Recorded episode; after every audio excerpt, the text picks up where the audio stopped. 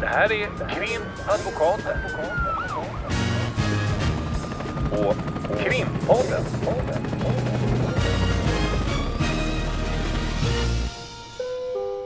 Parter och ombud kallas till sal 32. Hej Lotta! Hej Ulrika! Eh, nu sitter vi här och poddar igen Ja, och vi måste ha koll på eh, våran teknik så att inte den laddar ur. Mm. Vi det påminner är ingen varandra. stress, den är Det är ingen fulladdad. stress, det är ingen jag har stress. full koll.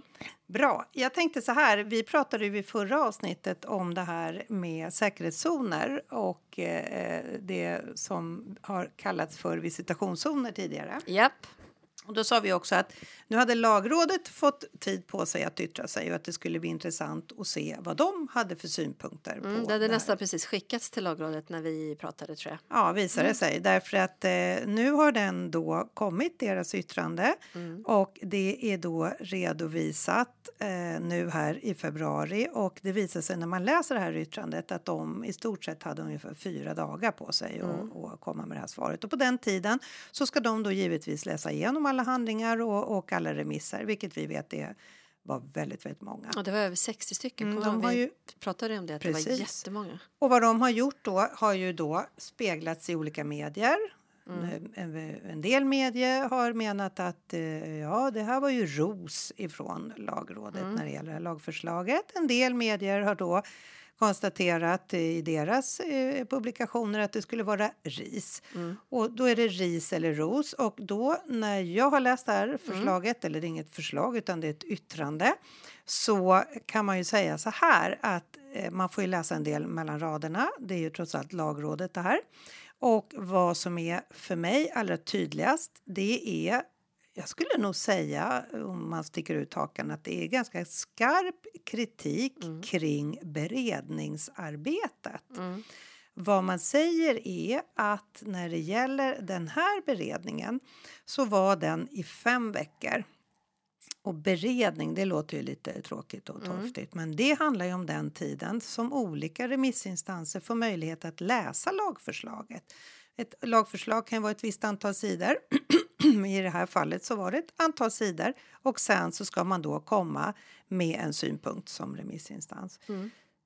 Fem veckor och Och ger man noterar... lagrådet så ska det också vara välgrundat och man ska haft... Ja, men det här var eh, den tidigare omgången. Ja, du menar tidigare omgången? Yes, och då är det ju så här att då, då säger lagrådet att eh, det var fem veckor och de Mm. noterar också att det här var bland annat då tid med jul och nyår, ledighet. Vi hade en ganska bra jul och nyår i år ju. Det var en sån här löntagarvänlig Mm. Just jul och nyår. många röda många dagar. Mm. röda dagar. Eh, och då har, har de, eh, tycker jag, om jag läser detta, eh, är väldigt kritiska Mm. till den här eh, mycket begränsade beredningstiden. Och vad man säger är att tre månader, det är liksom normal beredningstid Mm. och då ska det då jämföras med fem veckor eh, och över Mm. jul och nyår bland annat. Och då så säger de att när det gäller den här typen av lagstiftning som eh, olika remissinstanser ska, ska gå igenom och komma med synpunkter på, då ska det egentligen kanske till och med vara så att det är ytterligare mer tid än tre månader därför att det är en komplex lagstiftning och den rör bland annat fri och rättigheter, våra medborgares fri och rättigheter. Så istället då för att göra en utökad tid så har man inskränkt den till, måste jag nog säga, galna fem veckor.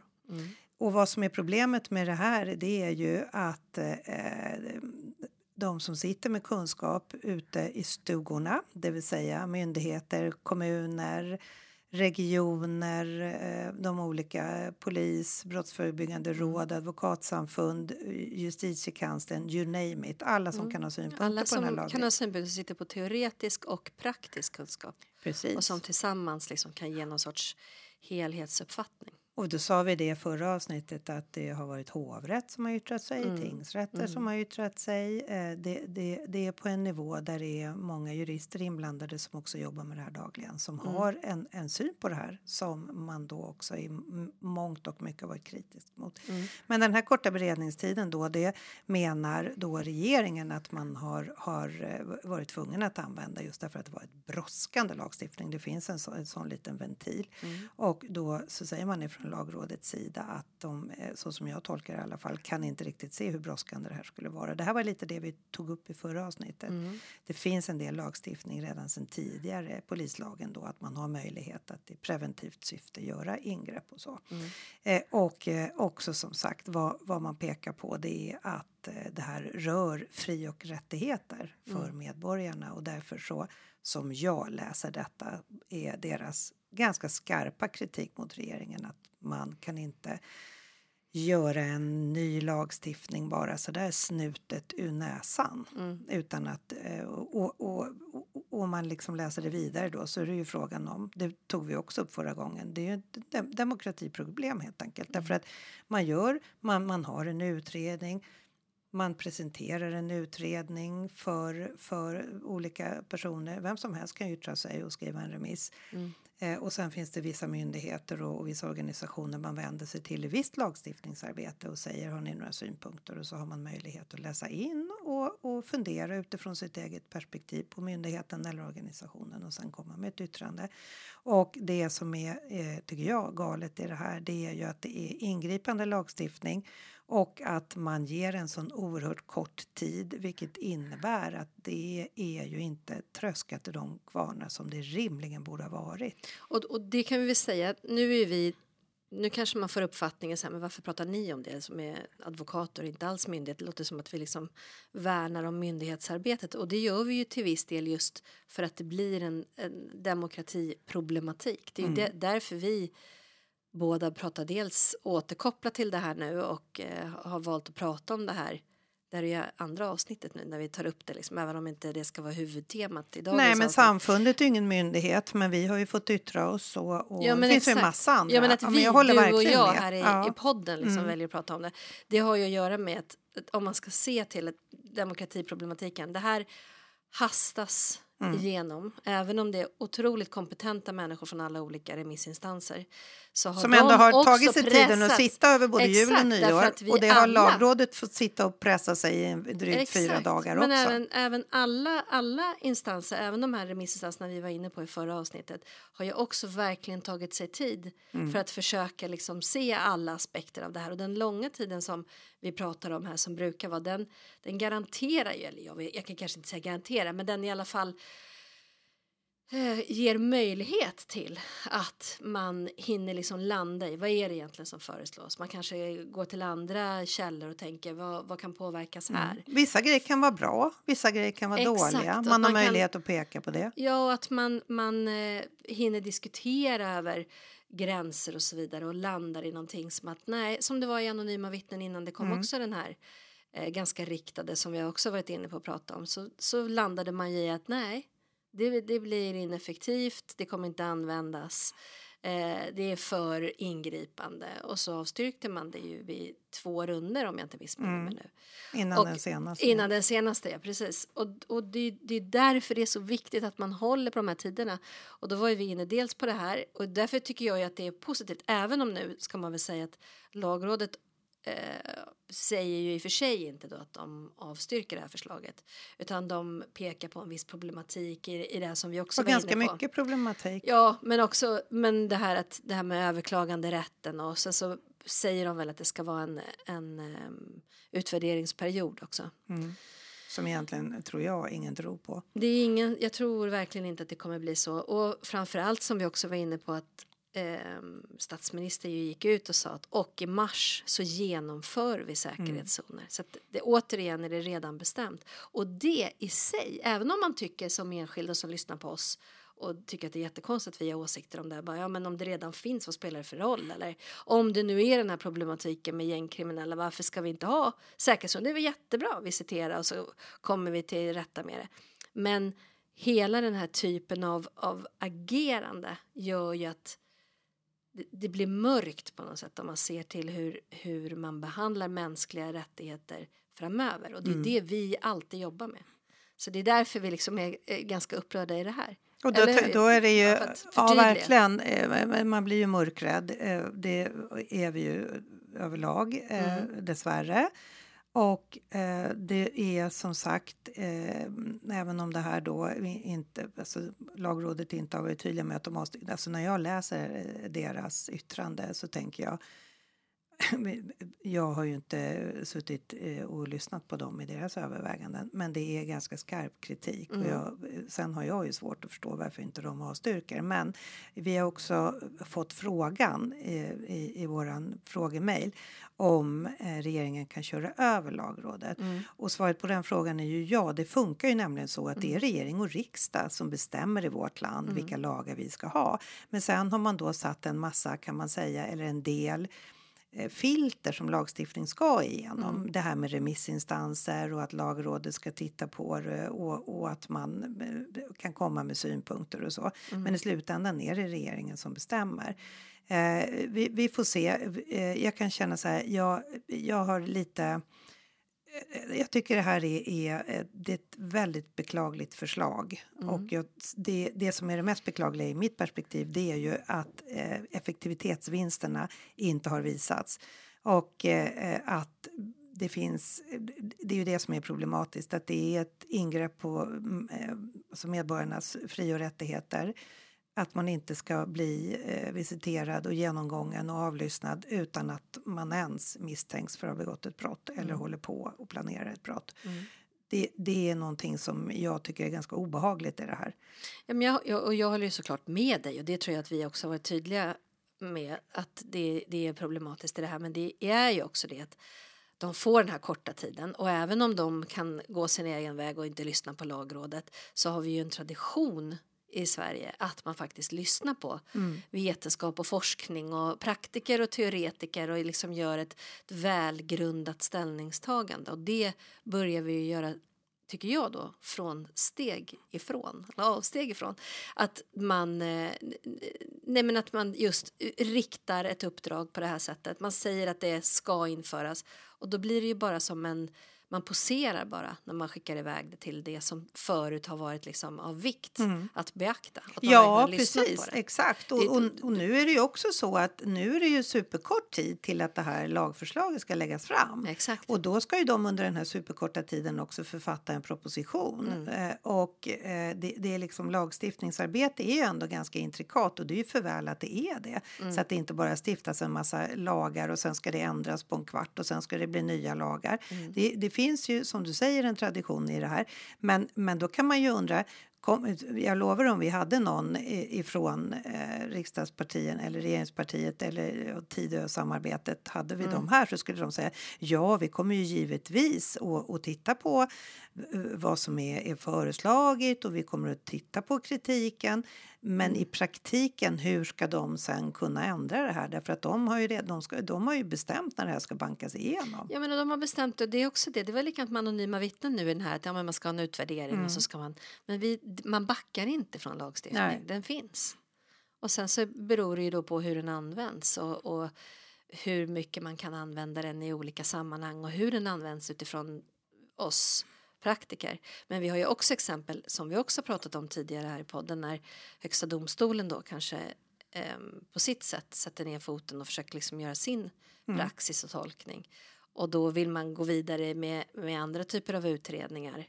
Eh, vi pratade om det i försöksbrotten för några avsnitt sedan eh, från regeringens sida därför att det inte riktigt motsvarar det som, som man vill. Mm. Och den möjligheten har man ju såklart, precis som du säger, regering och riksdag är de som bestämmer och de som vi väljer. Mm. Men det är, vi är ju som jag ser och då brukar jag ju ändå vara positiv. Men vi är på väg in i någonting där vi enligt, enligt min uppfattning i alla fall inte har varit tidigare. Nej, vi kastar ut barnet med badvattnet. Mm. Ja, inte vi då. Ja, vi gör så det podd. är ju Ja, nej, inte vi, men vi, det är därför vi pratar om det här. För jag kan tänka mig att många tänker så här, men gud, vad, vad, liksom, vad ska vi snacka om det här? Men det är det som är framförallt oroväckande, oavsett vad man tycker om säkerhetszoner. Mm. Så är det ju hela tillvägagångssättet som är oroväckande. Mm. Och det, det är ju då positivt att så väldigt många ifrån olika, man ska ju inte säga sidor när det är, liksom är, är myndigheter och så vidare, men ifrån olika delar av hela eh, samhället reagerar på samma sätt. Mm. Det är ju också någonting bra. Med Med några få undantag så Ja, men har, ju, få, har ju remissinstanserna varit kritiska. Och, det, på, det ungefär ju, samma grunder. Och det, Ja. och det är ju i och för sig positivt då. och då är det ju olika discipliner och, och det finns liksom ingen vänster-höger-skala här. Jag brukar prata med mina studenter Mm. om det för de tror att det är vänster-höger här. Det är, det, det är egentligen det är ointressant vilken Mm. eh, politisk, partipolitisk tillhörighet olika personer har. Det som är är ju att det är rättssäkerhet och det är den enskilda individens fri och rättigheter som, som får stryka på foten. Med, Mm. Och, som, och som vi har i konventioner och i lagstiftning och som vi har i praxis, alltså vi, det, som vi värnar. Oavsett, precis som du säger, oavsett vilken politisk färg. Liksom. Okej, nu har vi värnat klart. Mm. Eh, det är Nej, väl det ingen, vet ingen som lyssnar inte- på det. Jag tänkte att vi skulle ta upp det här vi har hört eh, lite, lite till mans Mm. eh, när det gäller, det har vi också varit inne på tidigare, att vi har proppfulla häkten och anstalter. Mm, vi har lite varit inne utifrån vårt eget perspektiv. Och det måste jag ju säga att det blir ju tydligare och tydligare när man är praktiker i, i den här världen. Man har sina klienter som tidigare, det vet ju alla som följer oss, så eh, man blir gripen, man blir anhållen och sen på tredje dygnet så kommer en häktningsframställan som huvudregel. om det inte kommer tidigare, men senast i alla fall tredje dygnet. Och då eh, så blir det en häktningsförhandling och så ganska ofta blir man häktad första perioden när, när åklagaren har framställt ett häktningsyrkande och då kommer man till häktet. Efter häktningsförhandlingen så har man kört vidare. Då säger alltid det, domaren, jaha, var, vart går transporten? Ja, då är det till Sollentuna eller till Huddinge eller. Men Så nu, från arresten till ett häkte. Ja, det är direkt efter häktningsförhandlingen. Men nu är vi i en situation, alltså jag tror att jag tror nästan samtliga mina häktningsförhandlingar de senaste månaderna så är det att vi vet inte, vi har inte fått någon placering än utan det blir tillbaka till arresten. Det är ju, det är ju galet.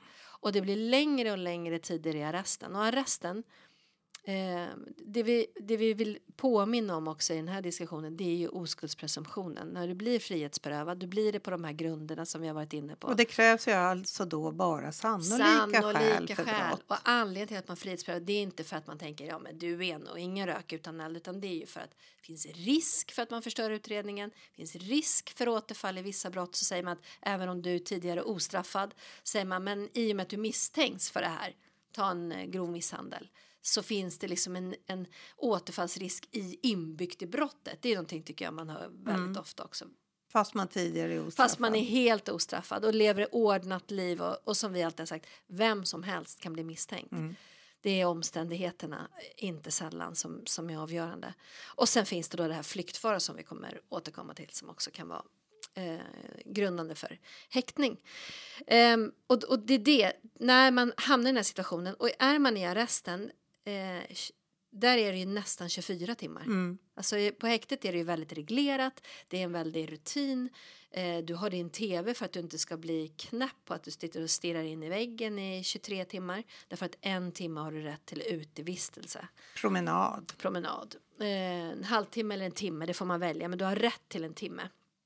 Och sen på häktet är det också ordnat med att det finns eh, träningsalternativ oftast. Eh, så småningom så kan det bli samsittning och så vidare. Och så vidare. Så Och det finns också möjlighet att träffa eh, präster vad man och Röda. Korset på vissa ställen. Man kan få, kanske få sitta och spela lite spel med vakterna, det som kallas för isoleringsbrytande åtgärder, framförallt för unga. Mm. Eh, och, och, och som du säger, det finns en struktur på ett annat sätt. Eh, Mm, vi det är gjort ju- för att du kan sitta där under en längre tid och du ska inte bli galen. Nej, Men precis. arresten är gjord för att sitta max tre dygn. Mm. Och det är väldigt tydligt. De flesta blir galna om man får sitta Mm. lite längre därför att det är en helt annat inflöde av ljus, det är en helt annan typ av eh, dörr, det är en helt annan personalen har Och det en är helt annan fylleceller där Det är också, så det kan komma fylleceller. dofter och kräks. Och... skrik och det är galonmadrasser och man, det, det finns ju också andra typer av regleringar som har att göra med att man inte känner till suicidrisk, alltså om personen är så pass deprimerad så att det finns att den personen tar livet av sig och då har man att det- det är restriktioner vad gäller vad vilka tyger och textiler man kan ha i, vilket oftast leder till, tycker jag, att man fryser. Man har inte rätt till kudde till exempel och sånt där. Det låter helt fånigt när man säger det i det här sammanhanget. Men om man tänker sig situationen, ligga på en galonmadrass, alltså i, i den utsträckningen så till slut så får man ont, man har ingen klocka, det är att ljuset tänds kontinuerligt i cellen därför att vakterna ska ha en, en viss koll på de här personerna så att de inte liksom mår dåligt. Men har du det att en lampa hela tiden är tänd i två, tre veckor så, så naturligtvis påverkar psyket. Du kan inte sova ordentligt. Liksom. Så att de, de är inte gjorda. Det är ingens fel. Det är inte att vakterna gör någonting fel utan de följer ju de regler som gäller för en person som är anhållen. Men plötsligt så har vi personer som sitter tre veckor i den miljön. Och det är, det är knäppt. Vilket då i sig gör att människor som är, ska bli häktade, de stannar kvar i arresterna. Det finns inte tillräckligt med arrestplatser för de som är nygripna eller vad man ska kalla dem. Och då hamnar de i fylleceller eller i, i andra alternativ. Det finns på polishusen fylleceller till exempel. Där har man sådana som är anhållna plötsligt. Alltså det är en, det är vi också inne i någonting helt annat som, Och då, som som jag du inte har sett under inledde alla med, mina år. Glöm inte bort att blir man frihetsberövad på de här eh, låga, den låga misstankegraden och de särskilda häktningsgrunderna som du redogjorde för. Då det, eh, det händer att det inte blir ett åtal. Det händer att man blir släppt därför att det inte finns tillräcklig bevisning. Det Oj. händer att man då blir avförd från utredningen. Eh, det händer om du blir åtalad att du blir frikänd. Så att det är människor där det inte är bevisat en skuld ännu som blir satta under de här förhållandena. Och då tänker jag ju också att det är intressant för att det är ju många som tänker men det är väl skitbra alla de här busmänniskor som är ute nu och, och, och, och spränger och skjuter på gatorna. Det är därför det är så fullt på häktena och, och på anstalterna. Det är ju toppen. Det, det har ju visat sig att det funkar nu. Men och, så är det ju inte riktigt. Vad är Nej. skälet till att det ser ut som det gör? Dels är det att man har sänkt obligatoriet. Det vill säga förut så hade vi att om det var ett brott som har minst två år i straffskalan då är det obligatoriskt med häktning. Då ska det- man vara häktning om, Ja. häktad om inget särskilt talar emot. Man ska Ja. vara häktad. Exakt, och det den tiden, två år, har man sänkt till ett och ett halvt. Och det innebär ju att brott som tidigare kanske inte var ett, en presumtion, alltså att det inte var obligatoriskt att då ska man häktas, så man behövde inte visa det här att det uppenbart saknar skäl. Där blir du nu häktad, till exempel en, en grov misshandel och andra brott som, som är vanligare. Det gör ju att det är fler ehm, som också blir häktade per automatik. Liksom. Så fler personer eh, blir frihetsberövade genom eh, häktning därför Mm. att man har sänkt eh, kraven för häktning helt enkelt. Mm. Och sen så är det ju också så att det är fler, man har ju också eh, kriminaliserat Mm, precis fler. flera delar. Mm. Så, och det, det finns ju en massa olika skäl till att det ser ut så här men, men det vi önskar påtala då det är ju inte att det är alldeles självklart så att nu har man äntligen fått tag i buset och kastat in dem där de hör hemma. Nej, för det man också säger är att det har blivit mycket längre häktestider. Mm. Ehm, det, Jag hade en uppgift på det där. Ja, jag ser. 2020 var det 69 dagar i genomsnitt. Ja, Och nu är vi på 2024, då är det 91 dagar. Det är är Mm. nästan en månad längre. Ja. Och, och, och det är också det att man eh, häktar eh, yngre personer. Mm. Eh, Alltså så här, här har ju inte du och jag någon statistik. Vi kan gå på vad vi själva är ute och lär och hör Mm, och ser i, i vårt yrkesliv. Det, det är nog min uppfattning och, och jag vet att vi har pratat om det tidigare att fler i alla fall i mina mål eh, blir häktade bland annat på flyktfara. Mm. Att man ska lämna landet och inte underkasta sig en, en kommande rättegång och så. Mm. Jag eh, kan inte se heller, det finns ju alltid ett alternativ att man säger att jag kan gå och anmäla mig hos polisen, jag kan lämna in mitt pass, att jag inte kan fly från Sverige och jag kommer Mm. underkasta mig en kommande rättegång och så. Eh, det, det är, tidigare så har det kunnat hända. Mm. Nu, nu eh, när det framförs så känns det bara som att man säger det och vet att det inte kommer att accepteras. Ja. Och då är det också folk, om vi ska prata om människor som kommer från andra länder som säger att, att jag, jag har eh, asyl i, i Sverige. Jag, jag kan inte lämna Sverige, jag kan inte resa tillbaka till mitt hemland för då kommer det och det hända. Och, och då har Migrationsverket sagt att nej, men det stämmer. Och ändå så, så anförs flyktfara och, och ifrån åklagarnas sida och, och, och domstolarna kan acceptera det. Och när, när det bara är flyktfara då kan man ju säga att då kan det ju vara sådana som till exempel en grov stöld, alltså att man stjäl på Åhléns eller något annat varuhus eller en affär och så vidare. Ehm, och då kan man ju tänka att det är ju väldigt många olika typer av brottstyper som, där man blir frihetsberövad av olika skäl. Liksom. Mm. Vilket ju naturligtvis också gör att det blir väldigt mycket folk inne eh, i häkten och arrester. Och sen då anstalter är någonting annat för det är ju efter hela processen. Men om, om vi nu pratar om häktena liksom. Men det är ju också det här med långa häktestider som du sa att det är nästan en månad. Det, det ligger ju oftast på. Det är En inte månad bara, längre än tidigare. Ja, Mm. det är inte bara att det är ehm, då tänker man så här, ja men nu är det gängkriminella och, och då är det mycket större mål och så där. Det, till viss del är det ju också så att det, det är ju mer, det är fler inblandade ehm, och det, det är kanske mer komplexa utredningar på ett, ett visst sätt. Eh, det ser vi också absolut. Men det är också långa häktestider därför att det är lång väntan på det här som vi också har pratat om på de som gör olika typer av analyser, NFC och polisens tekniska enheter som ska tömma Mobiler datorer och och- mobiler mm. och så vidare. Därför I helt, man, man får säga i helt vanliga brott då. Ja, men är helt vanliga Mm. brott och även andra. Men det, allting tar ju plats. Liksom. Och analysrapporter på droger eller fingeravtryck på bilar och så vidare. Och jag har också en uppfattning av, vilket man ju... Det är ju i och för sig bra, men även i, i mindre komplicerade mål så tar man ju väldigt mycket beslag och gör väldigt mycket analyser. Liksom. Och Mm. det, det gör ju också att det blir en, en oerhörd belastning på, på de här enheterna. Och, och grejen är att förut har det ju varit så att de som då har varit frihetsberövade haft en, det finns en prioritetsordning när det gäller utredningen både på NFC Mm. och hos polisens tekniker. Att de, de som är frihetsberövade ska liksom gå först i kön Mm. eftersom de sitter frihetsberövade. Mm. Och då eh, är det ju så att ju fler människor som nu sitter frihetsberövade så blir ju den kön längre. Mm. Och, och, och där kan ju inte eh, NFC, trots att de har fått ökade resurser, de, de har inte den möjligheten att utreda allt det här inom den korta tiden som egentligen ska ges. Det kanske, vi vet ju inte varför det har ökat så oerhört eh, mellan 2020 och 2024. Alltså 2024 har ju precis inletts.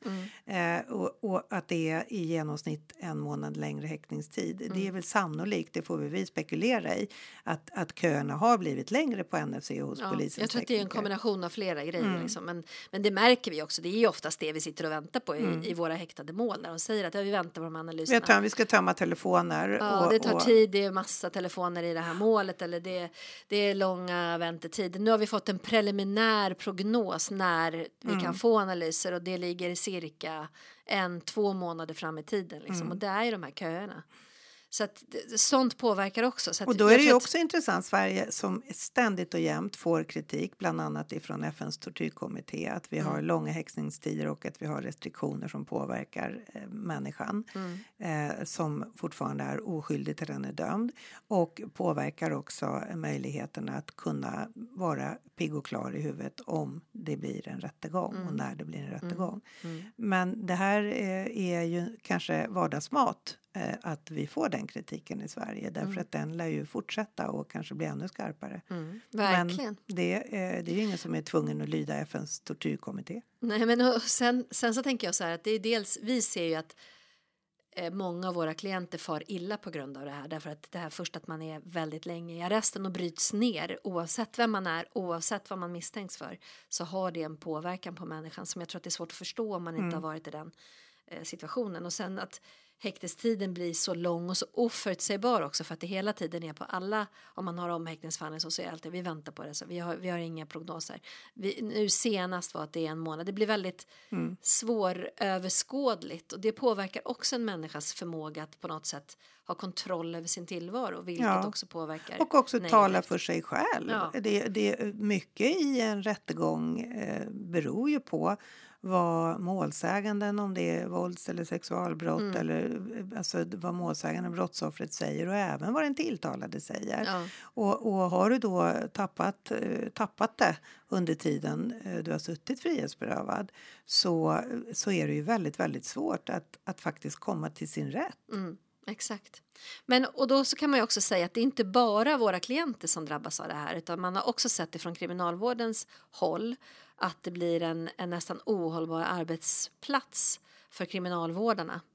Ehm, det- det är ju väldigt mycket dubbelbeläggningar. Man är tvungen att göra så att man har tagit eh, två tredjedelar av alla besöksrum till exempel till att bli bostadsutrymmen är det man ska säga va? Inte celler längre. Ja, cell eh, är ju vad det är. du- Kriminalvården man kallar det det för, för- för eh, bostadsrum, tror jag.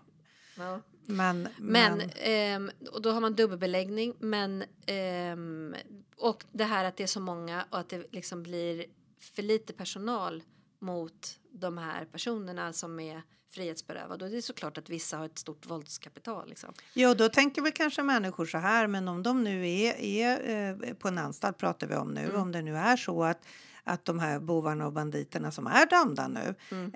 eh, slår ihjäl varandra och skadar varandra, eh, då, då gör inte det så mycket. Men hela idén bakom den här inkapaciteringsteorin att man ska kasta in människorna och sen ska de inte släppas ut på lång tid för då hinner de inte begå brott utanför. Mm. Den bygger ju också på att, att de då sitter stilla och inte begår brott där inne. Nej. Och kan man då tänka sig, ja men de slår ihjäl varandra Mm. eller slår på varandra, fine för det då. Men då säger ju också kriminalvården att det är ju våran personal som också Exakt. blir utsatta för brott. Och det Exakt. var det väl ingen som hävdade inkapaciteringstanken som hade som fokus att det skulle innebära att folk blev, eh, alltså människor vill inte jobba på kriminalvården längre. Människor kommer att bli utsatta för brott i deras arbete. Mm. Och det är ju ingen, då håller man ju inte folk borta ifrån brottslighet för att situationen på anstalterna är katastrofal Ja. om man får tro kriminalvården och våra klienter. Så tror jag också, men jag tror faktiskt att det här också gäller personalen på häkten och, Ja. och arrester därför att de påverkas ju när människor mår dåligt Mm. ehm, i, i, på det här sättet så, så påverkas de också. Mm. Att det blir andra arbetsförhållanden helt enkelt även för dem. Så och jag tycker- bekymret är att det verkar inte vara jättemånga som heller vill jobba inom kriminalvården. Eh, Det, de har ju det blir ingen attraktiv arbetsplats när det, när det är på det här sättet. Och de här alarmrapporterna kommer ju från, från insidan, ifrån kriminalvården att det liksom blir helt ehm, det fungerar inte helt Mm. enkelt. Man kan inte leva upp till de förändringar som Tidöpartierna har, har sagt då- om reformer ju- som de har lagt upp. Liksom. Ja, men precis. Och då ska vi ju också eh, tänka att, att eh, en av förslagen är att man inte längre ska ha villkorlig frigivning efter två tredjedelar. Mm. Eh, och, och vad Gunnar Strömmer har gått ut och sagt, det, är ju, det gjorde han i Agenda och, och sa att man, folk ska sitta i fängelse och de ska sitta hela tiden ut och att det här är någonting som är positivt. Mm. Eh, och som vi har varit inne på tidigare eh, är ju att man, man pratar ju inte om hur ska man lösa situationer för att folk inte ska hålla på och begå brott? Mm. Och hur ska man lösa situationer för att folk inte ska återfalla i brott om de nu är dömda? Mm. Det pratas i en bisats, men hittills så är det ju den här lagstiftningen, den repressiva lagstiftningen som har vunnit fördel. Mm. Jag ser inga positiva förslag kring hur vi ska inte bli utsatta för brottslighet. Nej, men eh, Dubbelsuck. vi får hoppas att det kommer. Ja, vi får väl hoppas på det. Mm. Okej, eh, jag är inte så positiv, men jag noterar med glädje att jag är, eh, ser också att du har dragits ner i Ja, det här negativa Dragit ner i träsket. sörjan. Ja, men vi ska försöka prata om någonting mer positivt nästa gång kanske. Ja, vi kanske kan hitta något. Då får vi ju dammsuga hela marknaden på, på infall. Lycka till, säger jag. Och hej då för idag. Hej då för idag. Krimpodden.